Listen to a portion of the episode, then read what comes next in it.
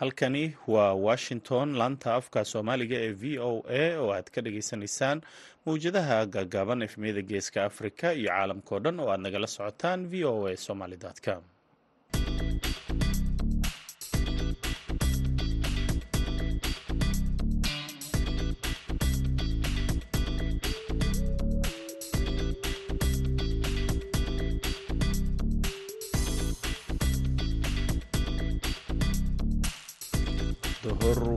duhur wanaagsan dhegaystayaal saacadda afrikada bari. Waxay tilmaamaysaa kowdii iyo barkii duhurnimo. Waa maalin jimco ah tobanka bisha maarj sanadka labakuniyosaddexiyoabaatanka idaacadda duhurnimo ee barnaamijka dhallinyarada maantana waxaa idinla socodsiinaya anigoo ah cabdulqaadir maxamed samakaab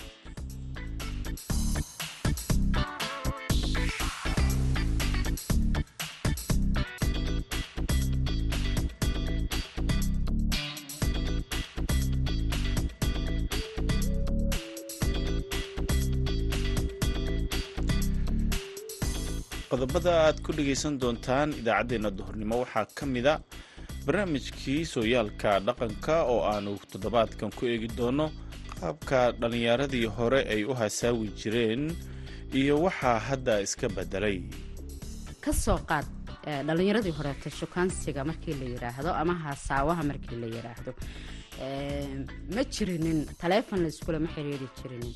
Waxa la yidhaahdo baaqa baa jiray inantu iyo inanku waxay isku arki jireen xoolaha dhexdooda. Ariga dhexdiisa iyo geela dhexdiisa isku arki jireen. Markay is arkaanna barnaamijka idaacadda ayaad kaga bogan doontaan waxaad kaloo maqli doontaan ciyaarihii iyo kaalmihii heesaha. Balse intaasoo dhan waxaa ka horreeya warkii dunida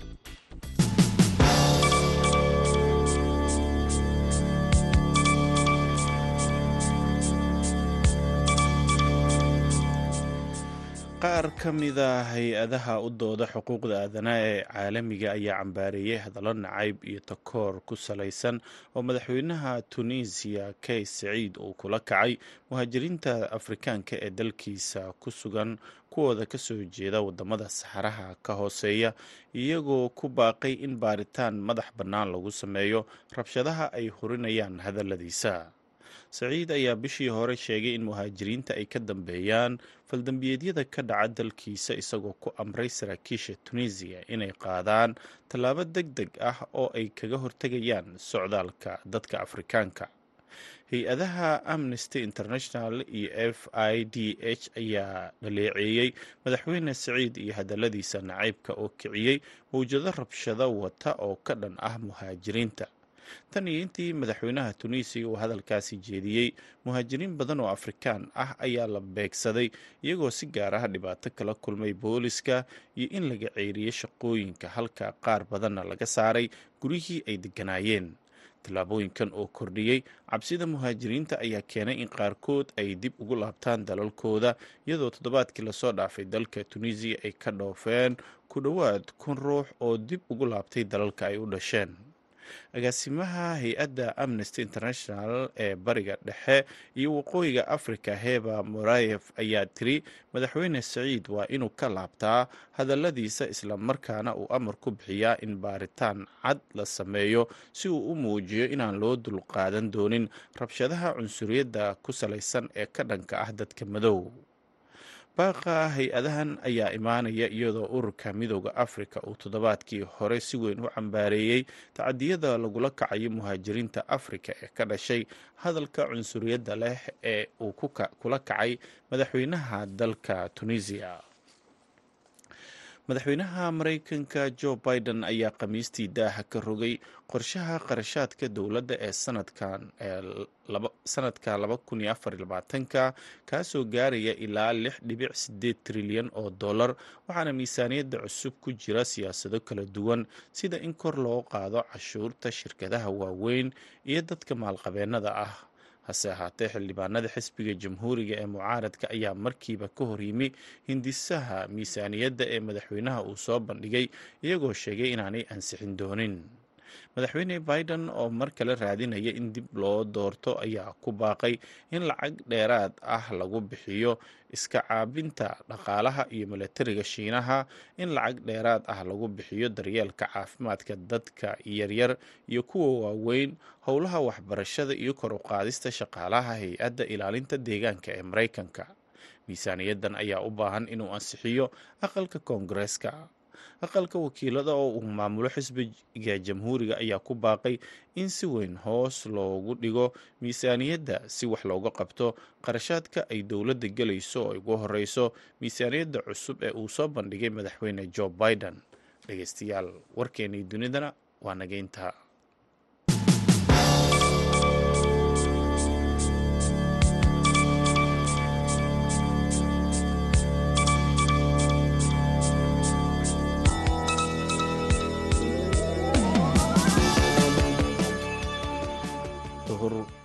wanaagsan dhegeystayaal halka aad warkaasi ka dhageysanayseen waa idaacadda v o a oo idinkaga imaaneysa washington. Markana dhegeystayaal waxaad ku soo dhowaataan barnaamijkii sooyaalka dhaqanka.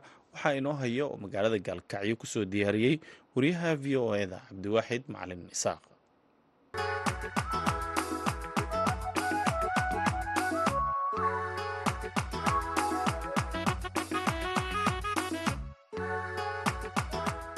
kulanti wacan dhegaystayaal ku soo dhowaada barnaamijka sooyaalka dhaqanka oo toddobaadkan idinkaga imaanaya magaalada gaalkacyo ee xarunta gobolka mudug. Barnaamijka sooyaalka dhaqanka toddobaadkan anigoo cabdiwaaxida ayaa idinkaga soo jeedin doona magaalada gaalkacyo. Hadduu eebba idmo barnaamijka sooyaalka dhaqanka toddobaadkan waxaa marti iigu ah oo igala qeybgeli doonaa abwaanad samsam maxamed colaad oo ku nool magaalada gaalkacyo. Waxaa iiga warami doontaa dhaqanka dhallinyaradii hore iyo dhallinyarada xilligan waxa uu ku kala duwan yahay. Abwaan samsam ku soo dhawow barnaamijka sooyaalka dhaqanka ee idaacadda v o e da waan ku dhowaahay cabdiwaaxid aada umahadsan tahay samsam. Waxaad inooga warantaa dhaqanka dhalinyaradii hore ee xilligii berisamaadkii sida uu ahaan jiray iyo waxyaabihii gaarka ahaa ee lagu garan jiray. Aada baad umahadsan tahay ilbaxnimadu ma ahan dhaqankaaga oo laga tago. Ilbaxnimadu waxaa waaye dhaqankaaga oo la hormariyo. Dhaqankii soomaalida wuxuu ahaa mid ku salaysan hab diini mid ku salaysan hab xishood mid ku salaysan si qurux badan oo inaba maantay qofkii wax ka dareemaya uu aada way yaqsanaya maanta dhaqanka soomaalida oo isbedelay oo sida reer galbeedkaoo kaleeto lagu daysaday mid aada iyo aada aan aniga iyo dadka nala midka ahi ee aada uga xumaadaan waayo wax badanoo waxaa jira lagu kala garan kara dhaqankii dhalinyaradii hore iyo dhalinyarada maanta joogta. Marka la fiiriyo dhinaca haasaawaha oo kale dhalinyarada dhaqankii xilligii hore ee anagu u soo geli doona dhaqanka dhalinyarada maanta joogta. Aada baad umahadsan tahay dhalinyaradii horeeto cabdiwaaxido wax badan baad i xasuusisay. Kasoo qaad dhalinyaradii horeeto shukaansiga markii la yiraahdo ama haasaawaha markii la yiraahdo. Ma jirinin taleefon layskulama xiriiri jirinin. Waxa la yiraahdo baaqa baa jiray. Inantu iyo inanku waxay isku arki jireen xoolaha dhexdooda ariga dhexdiisa iyo geela dhexdiisa isku arki jireen. Markay is arkaanna ayadoo qofba qofka kaleeto ka sii jeesanayay ballami jireen. Isagoo dhahaya wiilku waxaan rabaa caawa inaan kuu imaado oo aan kuu xodxodo doonto. Markaase gabadhuna dhihi jirtay maxaad iga soo doonaysaa? Uma fududayn gabdhaha soomaaliyeed inay ninka si toosa ay u ballamiso ama wiilkaasi oo tiraahdo ii imow caawo laakiin markuu dhowr goor ku celceliyo oo maxaad iga soo doonaysaa ay dhihi weydo waxay dhihi jireen aamus waa ogolaansho. Sidaas ayaa wiilkuna gabadhii hameenkii ugu imaan jiray oo gurigoodii ugu soo hasaawo doonan jiray. Marka guriga la yimaado markaa ka war see loo kulmi jiray? Inta badanba dhaqanka soomaalida markii aqalka la dhiso waxaa la sameeyaa gole gabadhu mar hadday gabadh guurgala ay tahay inta badan aqalka ma gasho. Ardaaga ayay jiifataa. Raar iyadu ay samaysatay oo raar madoobe la yiraahday ku jiifataa. Inankii maanta dee markuu reerkii yimaado isagoo taagsanaya oo ka xishoonaya in ay ku kacaan aabihii iyo hooyadii gabadha ay ku kacaan. Ayuu marada weliba waxaa ceeb ahayd inay ama gadaal ka fadhiisto ama dhabarkeeda u fadhiisto wiilkii saas sameeyaa wiil saqajaannimo damacsan buu ah si tartiibu madaxeeda u soo fadhiisanayaa marada ayuu fooda ka qabanaya. Kabacdina wuxuu leeyahay yaa weeye markay tiraahdo? Ayuu wuxuu leeyahay waa inaan adiga kaa raba shukaansi ama xodxodasho kaa doonaya ma fududayn inuu yiraahdo wiilka laftirkiisa? Waa wiilkii maanta aada is aragteen. Oo aada la ballantay ceeb ayay la ahayd sababtoo ay tahay faamilka qeyb ka mid ihi inay soo jeedaan ama hooyada ama aabbaha oo gabadhu ninka ayadu ay u yeeratay inuu in la maqluu diidayay oo gabadha sharafteedu ilaalinaya. Ninkaa nin markaas cusubo aan weliba dee gabadhaan aysan is arkinba laakiin kor wajeeda markaase waxay leedahay war maxaa iga soo doontay? Suu leeyahay inan waa laac laacna meel dheer baa laga soo raacaa. Ina adeer gogasha dhinacii banee aan kula fadhiistee uma fududayn gabadhaas inay gogasha dhinac u banayso waxay dhihi jirtay maqaar sagaaro igu durug mooye iga durug ma leh. Marka walaal gogashaan aniga keliyahay ugu filan tahay haddaad dan leedahay halkaa fadhiiso isaguna kuma adkeynayn sababtoo ay tahay shukaansigu ama xodxodadu waa xan baa la dhihi jiray. Oo ma soo indha cadayn jirinin. Kabacdigeedu inankii haasaabadii buu sii wadayaayo waxaa qasab ahayd inuu maahmaahyo ama uu ku furo gabay. Inuu ku furo. Hal abuurada waxyaabaha lagu bilaabayo sheekada bilowgeeda isla markaas baa isagoo dareensiinaya gabadhan inuu ilaayo soddon kilomitr afartan kilomitr galabta maqribkii uu ka soo tegay. Intaas caawo dhan uu soo dheelmanayay ayadoo darteedna uu u socday. Ayuu wuxuu ku bilaabayaa hadalkiisa inaa adeeray jid dheer baan ka imid. Goor la jiibsaday ee jirraqooyin badan baan arkiyo. Jeerin qodax weyne anigoo ku jecel baan arkoo layga kaajaraya ha iga jeesan. Jeer dambey wara sadeeqdaay waxaa laga yaabaa inaan qoys noqono oo aan aw carruur ah ani adigu aan taas ku yeelanay. Haa. Marka sheekadii waxay ka bilaabmaysaa waa gabaygaas uu ku tusaaleynayo halkii uu soo maray. Haa saasay ku bilaabanaysaa kabacdina waxaa laga yaabaa markaas kabacdigeedeeda ereyada inta badan gabadha wiilka uu dhahayo inaysan ereyadeedu aysan tiro badnayn. Ha iyo maya keliya inay tahay oo weliba mayadu ay badan tahay. Haaduna ay aada u yar tahay. Sababtoo ay tahay waxay aaminsaneyd ninkaas hadday in badan haa haa haa ku tiraahdo inuu leeyahay way ku rabtaa. Gabadh baa nin rabtana waxay ceeb bay ahayd. Oo haddii xataa reerkooda laga soo doono ninka hadday doonaysa xataa mar rabay dhihi jirta marka farduc iyo farhabaar baa la dhihi jiray waana ninkii ay rabtay oo dee in badan dee sanadyo badan de intaasoo gu iyo intaasoo dayr iyo intaasoo diraac de la soo wada fadhiyo. Oo dee habeen walba intaasoo ka soo lugeynayo oo u imaanay. Dhaqanka marka markii halkaa laga soo tago ma jirtay siyaabo kaloo dhalinyarada iyo dhaqanka hablaha iyo wiilashu ay ku kulmaan. Haa waxaa jirta cayaar dhaqameed oo la dhihi jiray haan. Haantaas waa hameenkii baa la tumi jiray inta badan qolada oo wax samayso sida akwaanadoo kaleetana way ka hadleen oo waxay dhihi jireen cayaarta haddaan wax ku jirin hameenkii maxaa loo tumaa? Macno badan baa ku jiray cayaartaas. Macnaha ku jira wuxuu ahaa horta sideeda jiidaalkii lama tumi jirin. Xilliga xilli barwaaqada ah oo roobku do-o ayaa la tumi jiray. Markii la tumo sidoo kaleeto inamaha iyo iyo iyo raggu halkaas ayay ku kulmi jireen. Markii ay ku kulmaan haddana waxaa ceeb ahayd halkaas baan ku ballanay aan iska raacno si dadban ayay meeshaas iskugula hadli jireen. Dee labadii isdoonaysaana markaas bay israaci jireen oo dee isguursanayso labadii kalena dee markaasay qolo walba meelahoodii aadayaano waxa caadiyaho waxay ahayd dhallinyaradu hameenkii barwsano barwaaqada markay tahay ay iskugu soo baxaan maantay dhaqanka dhalinyarada marka soomaalida maanta. Marka la fiiriyo ma lagu tilmaami karaa mid lamida dhali- dhaqankii dhalinyaradii hore? Maya absolent ma laga yaabo in lagu tilmaamo. Sababtoo ay tahay eh, maanta dhallinyarada jirto.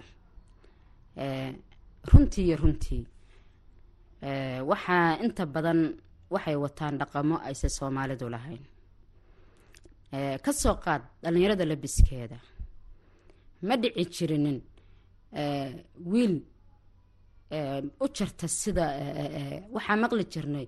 Inta badan waxaa la dhihi jiray waxaas iyo waxaas waa gaalo dhowr leh. Hadda wax caadiyahay noqotayoo inamadii waad aragto wiilasha ahaayoo dhowr bay leeyihiin. Oo geesihii baa timihii intii laga dhameeya meel kore lagu reebayoo. Eh, waxaa la leeyahay waa casriyo ama waxaa u jirta dee eh, cayaartooy hebel baa u jirta. Ama waxaa u jirta eh, atoore hebelaa u jirto. Marka wax laga xishooday ahayd eh, inamadu timahooda eh, waxa la yidhaahdo taaloog bay samaysan jireen. Timo weyn oo qurux badanoo eh, iyaga dhan isku xiranoo eh, bahalka la yidhaahdo dee aan kala sarreynoo eh, ayay samaysan jireen. eh, dhar anfaco qurux badanoo cadcadoo cadaan u badan bay xiran jireen. Eh, sidaasayna qiimiyi sharaf ku lahaayeen. Laakiin hadda dhalinyarada joogta? Dhallinyarada hadda joogtaa eh, runtii runtii eh, haba yaraatee uma dhowo dhaqankii hore u jiray. Eh, xataa dhanka hasaawa haddaan ka soo qaado. Eh, dhanka hasaawaha haddaan ka soo qaado eh, waxyaabo badanoo hore ceeb u ahaa ayaa maanta jiro. Ayaa iska caadi noqday. Mathal ka soo qaad. Nin oo gabadhii aabaheed iyo hooyadeed bannaankii ay joogaan oo asagu reerkii u soo gudbayo. Sidii eh, mukulaal yaroo rabaa camal. Iska soo gudbayo. Aan haba yaraatee dee. Aan dhehaynin xataa waa laguu jeedaa iyo. Kabacdina dhahaya caadi weeye waa la sukaaya ogyahay waa isqabnaa ma ahan. Waa la sukaaya ogyahay wiil ma jirin waxaas ceeb bay ahayd. Ceeb bay ahayd gabar hebel iyo wiil hebel way is xodxotaan baa ceeb ahaan jirta waa in la ogaado bal intaad u kaadis ceeb bay ahayd. Marka maanta marka dhinaca marka la fiiriyo gabdhaha iyo wiilasha dhaqankooda dhalinyarada hadda maanta joogta markay noqoto inay dharkii qaat xirtaan dhinacii jarmada dhinacii haasaawaha iyo dhinacii kale nolosha. Marnaba ma lagu mithaali karo soomahan dhaqankii dhalinyaradii hore. Maya kolley aniga ma arko. Meel looga matelo maba arkayaba. Waxaan u malaynayaa soomaalidu ilbaxnimadiiba ajanabiga ka gashay. Ilbaxnimadii ayaa ajanabiga ka gashay anigu haddaan rabo inaan ilbaxnimo sameeyo waxaan samayn lahaa dharkii laygu yaqiinay oo cadcadaanka ahaa. Ayaan waxaan ka talan lahaa dee maryahab u samaysano? Dee intii hore weliba ka sii waaweyno? Dee bahalka la yiraahdo? Ayaan u samaysan lahaa. Laakiin eh, eh, qof aan kuguna diin ahayn kuguna af ahayn kuguna dhaqan ahayn dhaqankiisa kuma aana faaneen. Dhallinyaradana waxaan leeyahay ha ku faaninina dhaqan idnaa lahayn ku faana dhaqanka idinka aad leedihiin. Eh, samsom abwaanad baa tahay eh, hal abuuro badan ka sameeyey xaaladaha dalka iyo eh, qeybo badan. Ma jirtaa tix aad ka samaysay dhaqanka dhalinyarada maanta joogta? Haa way jirtaa. Inkastoo markaas markaan arkay hadimada reer galbeedka ama dhaqanka reer galbeedka oo inamadu aada ay ugu fogaadeen markaan arkay ayaan anigoo la hadlaya gabdhaha ayaan tix yar ka tiriyo waxaan ku idhi eh, micnaha waxaan ka hadlayey hadimadii oo waxaa badatay reer galbeedka. Taleefonka iga soo wac Eh, aniga adduunkan kuu jeclahay la'aanta cuntada ma cuno la'aanta ma jiifto bahalka la yiraahdo waxyaabo badan dee oo haba yaraatee aysa waxba ka jirinin oo hadimo ah oo sidii dee aflaanta laga daawaday dee ama aasiyaanka ama reer galbeedka oo kaleeto marka inabihii baan la hadlayo oo waxaan idhi dumar yaho waxaa jira ragaa doorsan moodaan dibnaha iyo weedhana da'ayaa nishaadoo dubaaqiyo laabtana kugu dahaa hadimada micnaha markaad wejigiisa aragtid farxad badan baa ka muuqato. Waxaad leedahay kani de waa kii ugu daacadsanaa ragga dhanba haddana qalbigiisa waxaa ku jirta inuu de gabadhan uu dhibaateeyo. Ha oo hadimeeyo. Haba yaraatee wuxuu afka ka sheegayo iyo waxa wejigiisa ka muuqda midna waxba kama jiraan dumar yahow waxaa jira raggaa doorsan moodaan dibnaha iyo weedhana da'ayaa nishaadoo dubaaqiyo laabtana kugu daahama hadimada hadhow baa dareentaa damaqashada xanuun kale waran laba diblaa iyo fallaar kuugu daabaan keligaa isla doodaa jacaylkan daruuraha dirmaha u dhigayo u dabaaldegayay ilaa waa horuu dumay. Asna mariid uu igu dirow ila doodoonayaa ana doobay culan baan dhayda wala ku siiyaa iskumaba dhawo labadooda isaga wuxuu doonayaa mariid dee sun inuu ku duro oo isan ka soo waaqsan ayana doobi culan micnaha dee markii oo biraha ama doobiga giila lagu liso markii la culo qofkii loogu liso waa waxa ugu daawada badan leh dunida oo dhan. Waxaa haystaana waa anaga oo keliya. Ana doobi culan baan dhayda wala ku siiyaa anaa daacad moodaye ilaa waa dilaawey khatar buuba ahaadee markaasay ogaataadee marka waxaan idhi intaad hadhow ogaan lahayd haddeertaanba haa igu soo dhacayo layfka soo gal iyo la'aanta ma noolaanayo iyo war waxaase wax kuma jir kama jiraane war idhamiyow ka joogaan ku iri aada umaasan tahay samsam ugu dambeyntii dhalinyarada soomaalida dhaqankii hore iyo dhaqanka maanta aada bay u kala duwan yihiin. Sida abwaanadu sheegaan iyo dadka waxgaradka ah.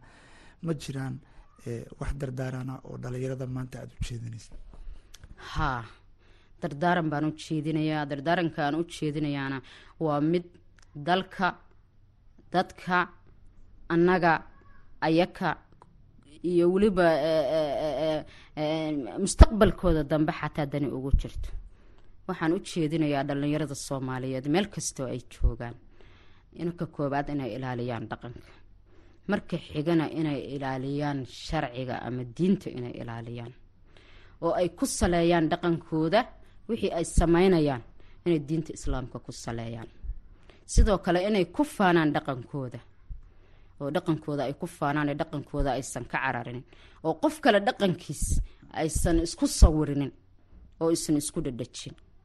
Waxaan leeyahay dhalinyaro waxaa idin sugaaya mustaqbal dheer waxaa la rabaa ilmihiina inaad taariikh uga tagtaan.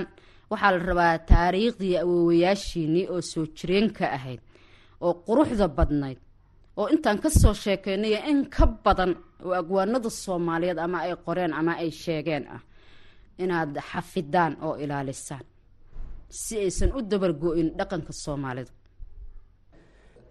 intaa ayaan ku soo gabagabeynayaa barnaamijkii sooyaalka dhaqanka ee toddobaadkan idaacadda v o e da anigoo cabdiwaaxida ayaa barnaamijka toddobaadkan idinkaga soo jeedinayay magaalada gaalkacyo. Intaynu barnaamij midkan la mid ah mar kale dib ugu kulmi doonno. Dhammaantaynu isku duuban waxaanu idinkaga tegayaa sidaa iyo nabadgelyo. Ismaqal dambe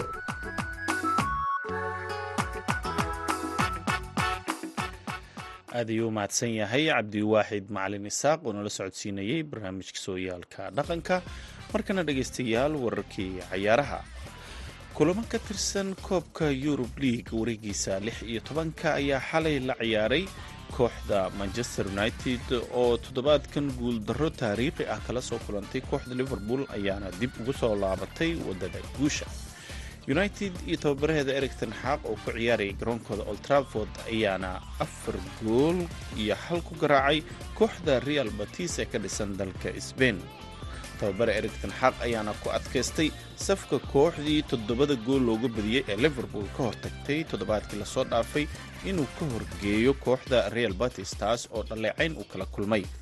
Kooxdani ayaana xalay waxa ay afar iyo hal uga badiyeen. Kooxda batis waxaana si weyn uga dhex muuqday ciyaaryahan bruno fernandes oo si weyn loo dhaleecaynayay kulankii liverpool. Tanxaaq ayaana sheegay in xidigaasi uu ahaa midka ugu fiican ee garoonka ku jiray xalay waxay rajeynayaan guulo kale inay gaaraan. Lugta labaad ee kulankan ayaana lagu ciyaari doonaa toddobaadka dambe dalka sbain kooxda roma ee kubadda cagtana labiyo ebra ayay uga badisay kooxda real sociedad. Sporting iyo arsenaal oo wada ciyaareen laba iyo laba ay ku kala baxeen. Bayer liverkusen waxay labii eber uga badisay kooxda fenerbach waxaa sidoo aan dhahdee waxay uga badisay kooxda fanovenes sidoo kale union berlin iyo union ayaa wada ciyaaray saddex iyo saddex ay ku kala baxeen. Juventusna waxay hal iyo eber uga badisay kooxda fimbon sevilla waxay labiyo eber uga badisay kooxda kale ee fenerbahsha shakhtar iyo faynuud oo wada ciyaareen hal iyo hal ay ku kala baxeen. Maanta kulan ka tirsan horyaalka dalka talyaaniga ayaa la ciyaarayaa kaasoo u dhexeeya kooxaha inter milan iyo sbesia wixii natiijo ay ku soo kordhana idaacadeenna ayaad ku dhegaysan doontaan. Markanna waxaad ku soo dhowaataan kaalmihii heesaha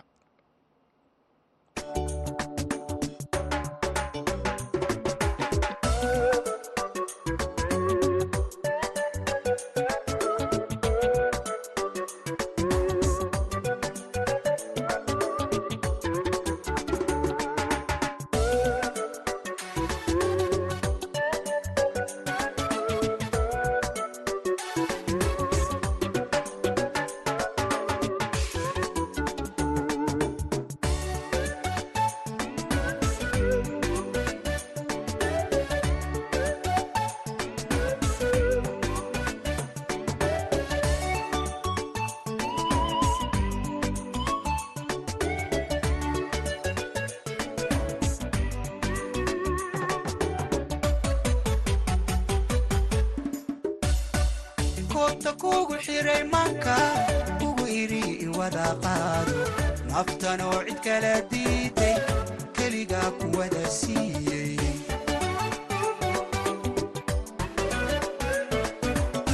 Koobta kugu xiray manka ugu idhi iwada qaado. Naftanoo cid kala diiday keligaa kuwada siiyey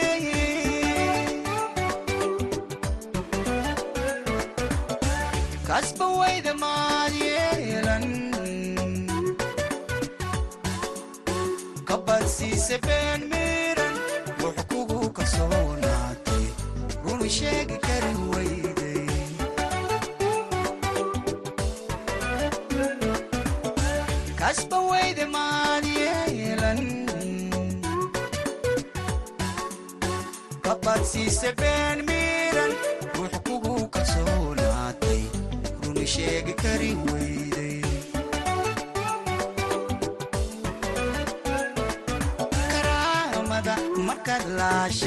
kaaftoomay wan maarmay kaa saaray maankii koru hay jacaylka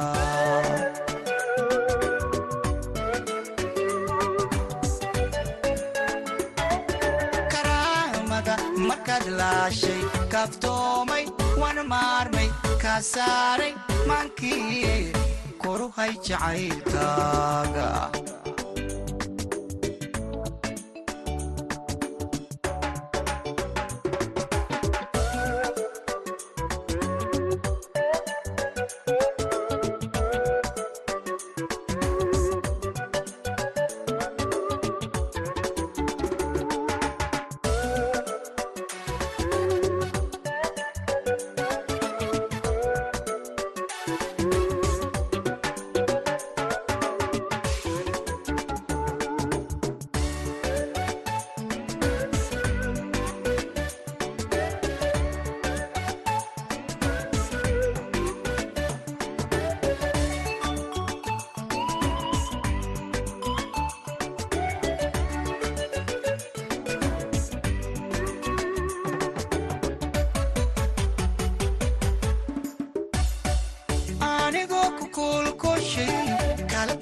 adduunkoo dhan weji karala mooyaane kadadiyo dhib mooyaane.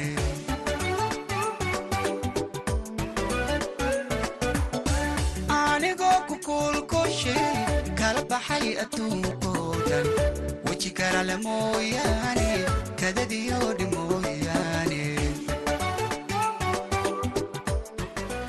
codkaasi iskalaaji ayaa u dambeeyey idaacaddeenii duhurnimo. Waxaa idinla socodsiinayay anigoo samakaab ah tan iyo kulanti dambe. Waxaan idin leenahay nabadgelyo